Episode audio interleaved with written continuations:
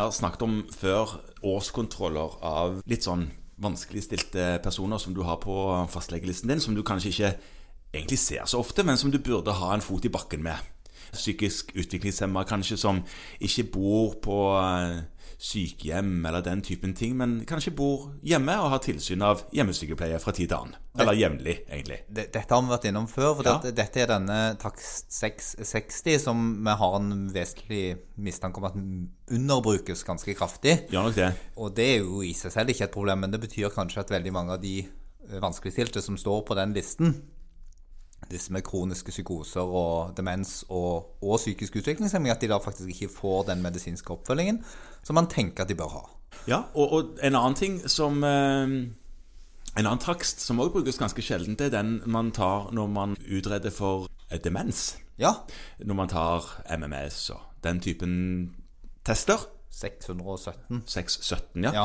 Og grunnen til at de drar opp den nå, det er fordi at når man gjør den typen utredning, så er det et slags samarbeidsprosjekt i veldig mange tilfeller mellom deg som fastlege og kommunehelsetjenesten for øvrig. Ja, i form av sånne demensteam. Ja, nettopp. De drar hjem og kartlegger litt om hvordan eh, det ser ut, og hvordan det foregår hjemme, og snakker litt med pårørende og komponenter og sånt. Og så tar de ofte tester. Ja, og det er vel Er ikke det en modell man òg kan bruke i årskontrollen av disse vanskeligstilte, som du ramsa opp litt av nylig? Jo, du sier noe. For det, det som mange nok har opplevd, er at det å komme i gang med dette, ja. det blir litt sånn overveldende. Det er masse som egentlig skal gjøres. Ja, akkurat det samme som demensutredning hvis du ikke har satt i system. Ja, og, og innhente informasjon. Og vi er jo glad i systemer. Ja. Eh, og nå har det i tillegg kommet litt sånn drahjelp på det punktet. Og hvordan da? Ja, nei, for det, det sto en grei artikkel på NTNU om et prosjekt på dette som er gjort i Kristiansand. Ok. Eh, og det, når man som fastlege har ekstremt god tid, så kan man gå inn og lese om det prosjektet i seg selv. Eh, Jeg tror ikke vi skal oppfordre massivt til det, men det som er poenget er at Kristiansand kommune har vært så vennligsinnet og lagt ut noen fornuftige dokumenter Ja. på sin hjemmeside. De er som mange kommunale hjemmesider, så er de litt gjemt inni der.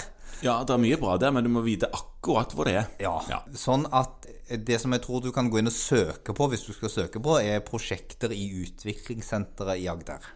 Ja. Ja. Jeg kan òg linke til det i teksten Ja, denne podkasten, kanskje. Det, det gjør vi også. Mm. Sånn at de som, som sitter med et elektronisk medium foran seg akkurat nå, kan få klikka på det. Og der inne, i en sånn nedtrekksmeny, så står det dokumenter. Ja. Eh, Og det som ligger der som er kjempenyttig, både for å sette seg litt inn i hva en sånn årskontroll skal inneholde, Ja. men òg fordi at dette kan man f.eks. når man kaller inn pasienten, sende hjem. Ja. Til f.eks. de som jobber i miljøtjenesten eller i psykisk helse eller noen. Mhm. Og så kan de da få lov til, sammen med pasienten, i stor grad å fylle ut dette før de kommer. Så bra. Men dette, dette er jo greit om en kanskje avtaler med sin kommune om at eh, en grei arbeidsfordeling, da. Sånn at en ikke bare pålegger jeg, jeg tror det er veldig bra både for eh, graden av utfylling og for det generelle samarbeidsklimaet at man Ja. tar en diskusjon før man begynner å sende disse skjemaene hjem til folk. Ja.